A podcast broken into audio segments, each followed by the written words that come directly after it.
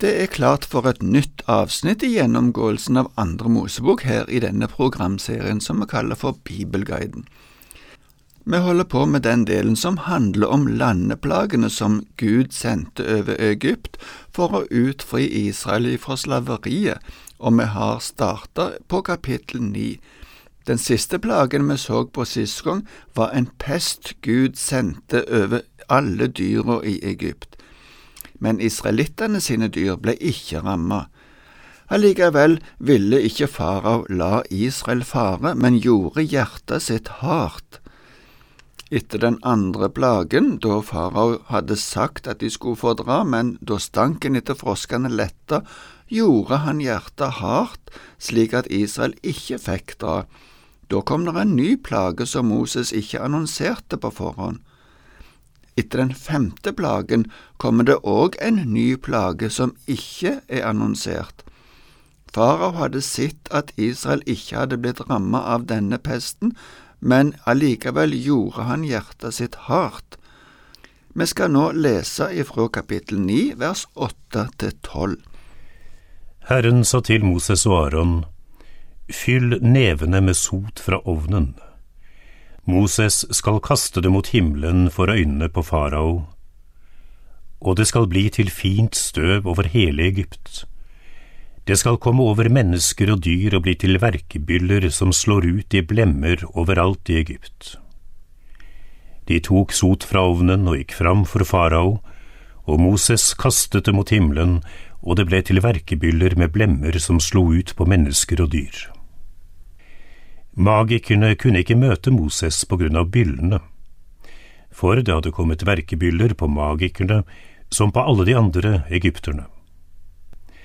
Men Herren gjorde faraos hjerte ubøyelig, og han hørte ikke på dem, slik Herren hadde sagt til Moses. Moses og Aron fikk beskjed om å fylle nevene med sot og kaste det i lufta slik at farao så det. Ut ifra dette ville det komme verkebyller og blemmer på folk og dyr. At Moses og Aron gjorde dette foran øynene på farao, skulle gi han en forståelse av at det ikke var noe som kom tilfeldig, men at det kom ifra Gud. Henvisningen til de tafatte magikerne er nesten humoristisk. De var ikke bare maktesløse, men de var òg rammet av plagen det står ikke direkte her at israelittene ble spart for denne plagen, men det er ikke unaturlig å tenke at de òg ble spart i dette tilfellet, for det står både om den forrige plagen og om den neste. Så står det i fortsettelsen at Herren gjorde faraos hjerte ubøyelig, han hørte ikke på de. Gud ville dømme farao enda hardere. Denne domshandlingen kan få oss til å tenke på den endelige dom da Gud skal dømme alt det vonde. Frelse for Guds folk og dom over Guds og hans folks fiender henger sammen, både i Egypt og med verdens ende. Dette kunne vi sikkert snakket en del om, men poenget her er å se hva Bibelen sier, og ikke så mye legge inn tolkninger. Det endte i alle fall med at farao ikke hørte på Moses og Aron, og ikke var villig til å la folket fare. Vi går over til den neste plagen og skal lese ifra vers 13 og ut kapittelet helt til vers 35. Herren sa til Moses, Stå tidlig opp i morgen og tre fram for farao og se til ham, så sier Herren hebreernes Gud, La mitt folk dra så de kan tjene meg. For denne gangen vil jeg sende alle plagene mine mot deg selv over tjenerne dine og folket ditt, så du kan kjenne at ingen er som jeg på hele jorden. Jeg kunne allerede ha rakt ut hånden og slått deg og folket ditt med pest, så du var blitt utryddet fra jorden. Men jeg har likevel holdt deg oppe for å vise deg min makt, og for at navnet mitt skal bli forkynt over hele jorden. Fortsatt hindrer du folket mitt og lar det ikke dra. Se, i morgen på denne tiden sender jeg et kraftig haglvær som det aldri har vært maken til i Egypt fra den dagen landet ble grunnlagt og til nå.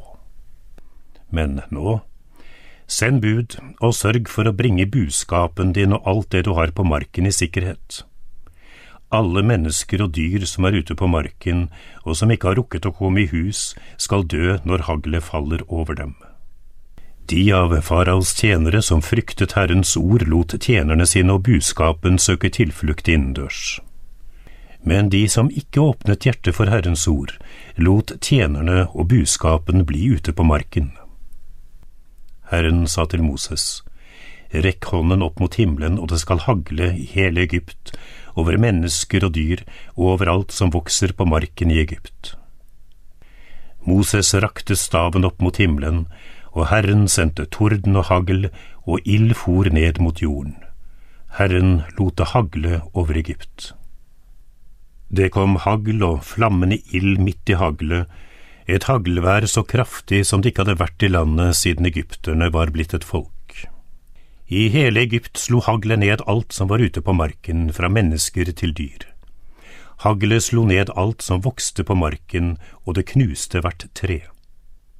Bare i Gosen, hvor israelittene bodde, falt det ikke hagl.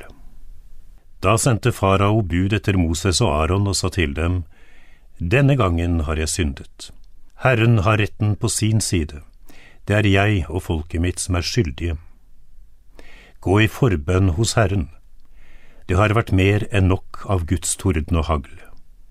Så vil jeg la dere dra, dere behøver ikke å være her lenger. Moses sa til ham, Så snart jeg kommer ut av byen, vil jeg strekke hendene ut mot Herren. Tordenen skal holde opp, og haglet skal ikke falle mer, for du skal kjenne at jorden hører Herren til. Men jeg vet at du og tjenerne dine ennå ikke frykter Herren Gud. Linet og bygget ble slått ned, for bygget sto med aks og linet i blomst. Men hveten og spelten ble ikke slått ned, for de blir modne senere. Moses gikk bort fra farao og ut av byen, og han strakte hendene ut mot Herren. Tordenen og haglet holdt opp, og regnet strømmet ikke ned på jorden mer. Da farao så at regnet og haglet og tordenen hadde holdt opp, fortsatte han å synde. Han og tjenerne hans gjorde hjertet hardt. Faraos hjerte var ubøyelig, og han lot ikke israeltene dra slik Herren hadde sagt gjennom Moses. Moses har noe mer å si til farao denne gangen. Innledningen er den samme, med en hilsen ifra hebreerne sin Gud og befaling om å la folket til denne guden dra så de kan tjene Gud. Men nå blir det sagt at fra nå av vil dommen bli mer intens og nærgående mot deg selv og tjenerne dine, sier Gud.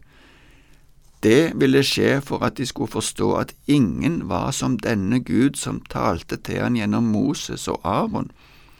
Alle de innbilte gudene i Egypt er under direkte angrep. Jeg kunne allerede ha rakt ut hånden og slått deg, sier Gud til farao, for eksempel med pesten, men det var en grunn til at farao fremdeles skulle leve. Gud ville nemlig vise enda mer av sin makt, slik at han ble kjent utover hele jorda som den allmektige Gud. Farao var ikke bare en ond hersker og en mektig stat, men han var òg en ugudelig mann. Fortsatt hindrer du, sier Moses og Aron på vegne av Gud, og som konsekvens kommer det en ny plage. Denne gangen er det et kraftig haglvær. Denne gangen var det noen av tjenerne til farao som forsto at de måtte gjøre det de kunne for å sikre sine verdier og få de i hus før det ble ødelagt. Men andre, som var på faraos linje, lot dyret være ute på marka. Det blei et forferdelig vær, med torden og lyn og hagl og regn, men i Gosen, der Israel bodde, kom det ikke hagl. For egypterne blei dette dramatisk, alt som var ute på marka blei slått ned, både mennesker og dyr og korn. Nå innrømmer farao at han hadde synder og sendte bud til Moses og Aron og ba de om å gå i forbønn for han. Han sa òg at Herren hadde retten på sin side. Det var en forbløffende innrømmelse, for han hadde jo tidligere ignorert Gud. Farao lovte at hvis Moses ba for han og stoppte dette været, så ville han la de dra. Moses gjorde det, og haglværet stoppte, men Moses var fullt klar over og sa òg til farao at han visste at han fremdeles ikke trodde på Gud, og fremdeles ikke var villig til å gi etter for det Gud ville. I det siste som vi leste, var det akkurat det som skjedde. Farao gjorde hjertet sitt ubøyelig og lot ikke Israel dra. Denne gangen kommer det òg en tilleggsopplysning med at også faraos tjenere gjorde hjertene sine ubøyelig sammen med farao. Vi kunne sikkert sett på flere detaljer i disse tekstene, men du får grunne litt på de sjøl, for nå får vi ikke tid til mer i dag, og neste gang vil vi fortsette med neste kapittel. Takk for nå.